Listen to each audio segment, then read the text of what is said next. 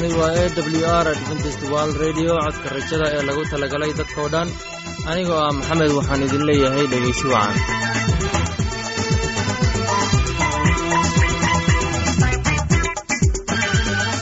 barnaamijyadeena maanta waa laba qaybood. Qaybta kuwaad waxaad ku maqli doontaan barnaamijka nolosha qoyska uu inoo soo jeedinaya cabdi. Kadib waxaa inoo raacaya cashar inaga imanaya bugga nolosha uu inoo soo jeedinaya cabdi. Labadaasi barnaamij ee xiisaha leh waxaa inoo dheer heese daabacsan oo aynu idiin soo xulnay kuwaasoo aynu filayno in aad ka heli doontaan. Dhegaystayaasheena sharafta iyo khadradda lahow waxaynu kaa codsanaynaa in aad barnaamijkeenna si haboona u dhegaysataan haddii aad wax su'aalaad haysid ama aad haysid wax fikrad ah fadlan inala soo xiriir. Dib ayaynu kaaga sheegi doonnaa ciwaankeenna. Bal intayna u gudagelin barnaamijyadeena xiisaha leh waxaad marka hore ku soo dhowaataan heestan daabacsan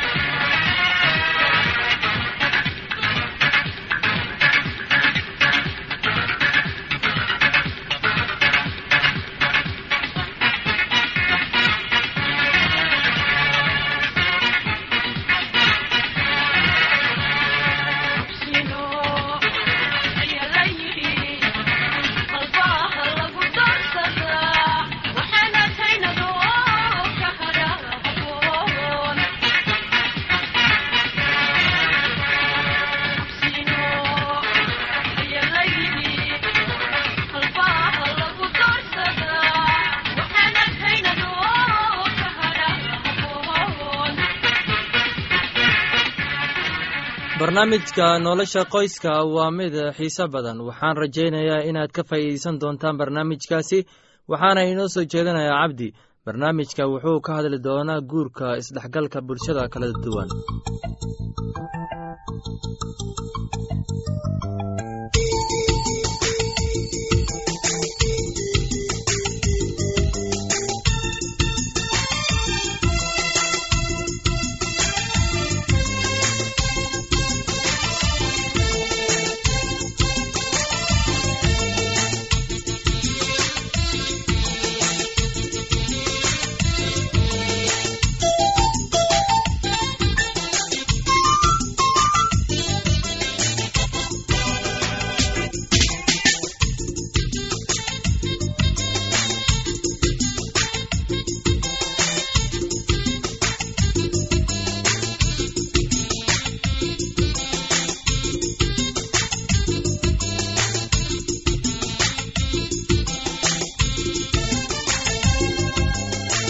dhegaystayaal waxa aynu ka hadli doonnaa cashir ku saabsan isdhexgalka guurka qowmiyadaha kala duwan.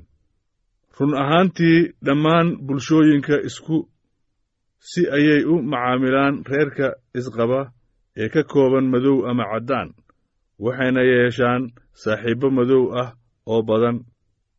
Nasiib darrase labada isqabta oo kala duwani mar weliba isku mid uguma farxaan labada dhaqan. Ugu dambayntiina bal aynu eegno carruurta.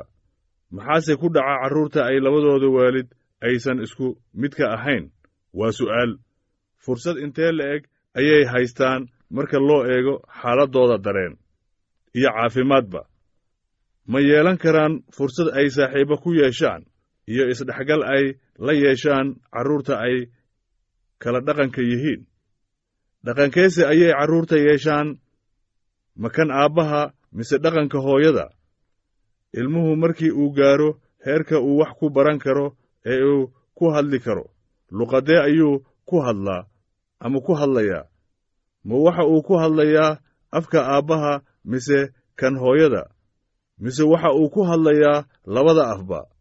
Taasina waa su'aal loo baahan yahay inaynu isweyddiinnaa bulsho ahaan. Inta badan aalaaba carruurtu waxa ay ku hadlaan afka aabbaha waayo afadu waxa ay u baahan tahay oo oy joogtaa ninka qaba gurigiisa waxayna mararka badan ay booqataa reerkooda ama qoyska ay ka dhalatay. Deriskeeda iyo dadka ay isku jinsiga yihiin laakiin inta badani waxa ay la nooshahay saygeeda ama odagayda ee qaba. Naagtu waa inay barataa caadooyinka iyo waxyaabaha cusub ay ka soo gashay ama ay ku aragtay qoyska ay markaasi la dhaqanto ama ay caada ahaanba la joogto. Haddii ay ku nooshahay meel miya ah oo aysan magaalo ku nooleen waxa ay qabanaysaa luqadda halka laga hadla iyada oo xidhiirinaysa haweenka beelaha deegaankaasi deggan. Ugu dambayntii carruurtu waa inaad ahmiyad gaar ah la siiyaa marka ay hanaqaadayaan ilmahase xidhiir ma yeelan karaan labada waalid. Jawaab looma hayo guurka caadiga ah ee ku isku meelka ka soo jeeda iyo kuwa aan isku jinsiga ahayn ee isqaba iyadoo jawaab looma hayo. Laakiin aan is isku jinsiga ahayn ee rabbiga ee raba inay isguursadaan waa in ay si taxadir leh uga fikiraan oo ay wakhtigooda ay ilaah baryaan sidii uu ugu toosin lahaa guurka wanaagsan ee ay ku barbaarayaan. Si kastaba ha ahaatee guurku waa mid u baahan in si wanaagsan loogu diyaar garoobaa. Ka hor inta aanan la hergelin guurka waxaa wanaagsan in ay dabeecadda labada qof isguursanaya ee aad isku fahmaan dhegaystayaal cashirkeennu maanta waa naga. Intaasi waxayna idiin akhrinayey master cabdi sidaas iyo ismaqal dambe iyo nolol raaxa leh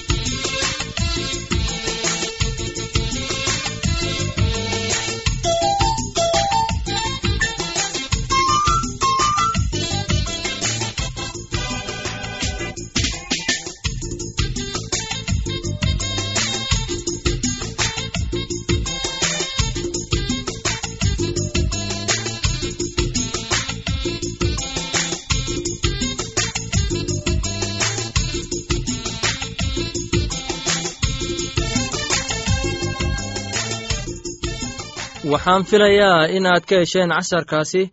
Haddaba haddii aad wax su'aalaha qabto oo ku saabsan barnaamijka nolosha qoyska ama aad haysid wax ra'yi ah fadlan waxaad inagala soo xiriiri kartaa ciwaankeenna. Codka rajada sanduuqa boostada afar laba laba lix todoba nairobi kenya. Mar labaad ciwaankeenna waa codka rajada sanduuqa boostada afar laba laba lix todoba nairobi kenya. Waxaa kaloo inagala soo xiriiri kartaa imeilka somali e w r at yahu dt com. Mar labaad imeilka waa somali e w r at yahu dt com. Haddana waxaad ku soo dhowaataan heestan daabacsan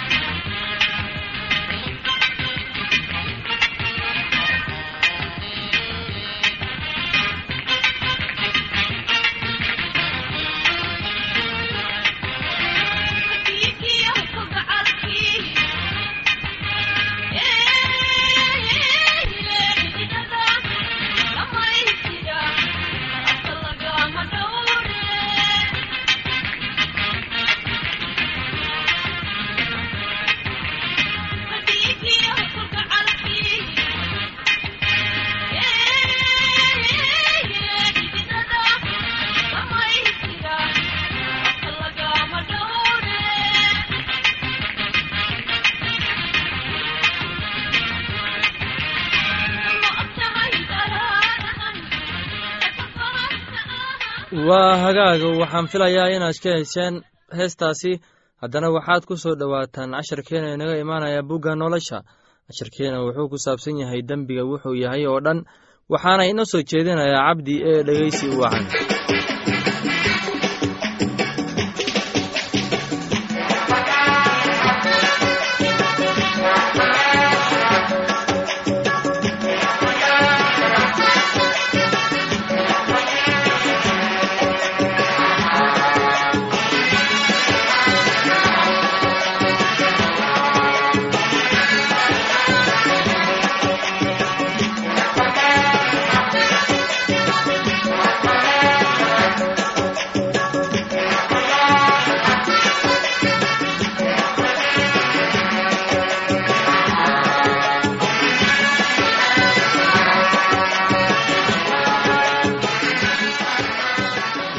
dhegaystayaal maanta waxa aan idiin soo gudbin doonaa cashir ku saabsan kitaabka quduuska ah ama baybalka waxaynu ka hadli doonnaa dembiga. Dhegaystayaal waa maxay dembi? Dembiga qof oo keliya ma aha. Dembiga dabeecad xumo oo keliya ma aha. Dembiga waa gaarid la'aan aan gaari kari weynay xaqnimada eebbe. Haddii ayan wada kaamil noqon xaqnimada ilaah wax alla wixii aan nidhaahno iyo wixii aan samaynaba waynu ku dembaawnay dadka oo dhammi way wada dembaabeen ilaah waxa uu yidhi dembi waa sharci darro. Haddii aynu hal mar oo keliya sharciga ilaahay jebinno waynu dembaawnay haddii aan ilaah ka cabsan weyno waynu dembaawnay waynu dembaawnaa markii aynu fikir xun ku fikirno ama aynu warar xunxun nidhaahno amase aynu samayno waxyaalo aan ilaahay jeclayn. Dhegaystayaal dembi waa cadowgeenna kan ugu xun wuxuuna kaa celin doonaa in ilaahay ku aqbalo. Wuxuu kaa celin doonaa jannada gelitaankeeda. Wuxuu kugu ridi doonaa cadaabta. Haddaan dembigaaga la cafinin waxaa lagaa fogayn doonaa ilaaha runta ah bal yaa dembiyo cafin karaa ilaaha keliya mooyaane bal ogaaw xoogga ciise masiixi ayaa si aad ah dembidhaaf u hesho kuugu wacdiyey cafinta dembigaaga. Dhegaystayaal nebi daa'uud waxa uu yidhi bal eega anigu waxaa laygu qaban qaabiyey xumaan oo waxaa hooyaday igu uuraysatay dembi nebi daa'uud wuxuu ahaa dembiile ilaah waxa uu yidhi dhammaan way wada dembaabeen. Waxaa jira qof qur ah oo aan weligiisi dembaabin. Qofkaasina waa ciise masiixi. Waxaa ku qoran kitaabka quduuska ah ama baybalka ah. In kastoo uusan dulmi samaynin khiyaanana aanay afkiisa ku jirin. Wuxuu isaga oo aan dembi aqoonin ka dhigay in uu dembiga noqdo aawadeen inaynu noqonno xaqnimada ilaahay ee ku jirto isaga. Dhegaystayaal cashirkeenna maanta halkaas ayaan ku soo gebagabayn doonnaa ismaqal dambe hurdo caafimaad leh sidaas iyo nabadgelya. Waxaa idiin soo gudbinayay cashirkan waa master cabdi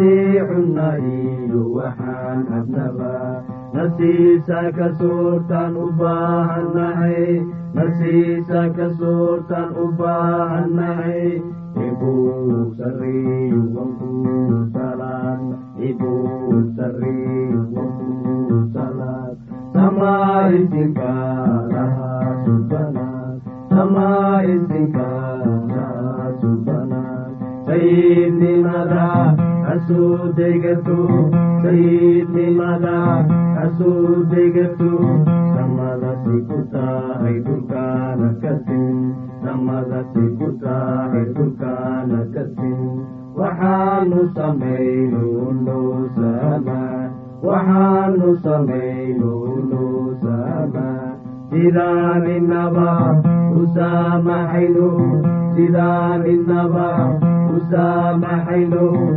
u saamaxayno sidaan inaba u saamaxayno ibuu sariyu wakuu salaam ibuu sariyu wakuu salaam samaayisinka lahaa subanaan samaayisinka lahaa subanaan sayidnimada hasuu degato sayidnimada hasuu degato samadasi ku tahay dhulkaana kasin samadasi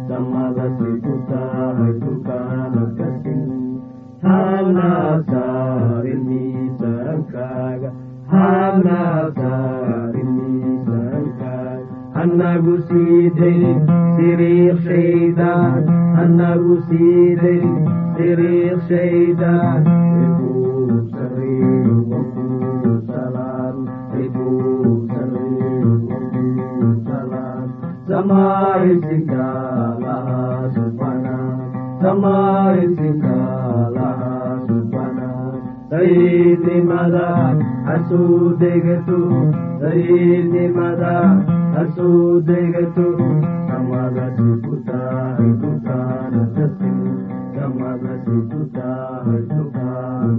dhegeystayaasheenna sharafta iyo khadradda lahow waxaan idinku dhiirigelinayaa waxbarashada baibolka soomaalidu waxay ku maamahday aqoon la'aan waa iftiin la'aan. Allow aqoon la'aan hana dilin waxbarashada baibolka waa mid sahlan waxayna isbeddel ku dhalisaa nolosha qofka.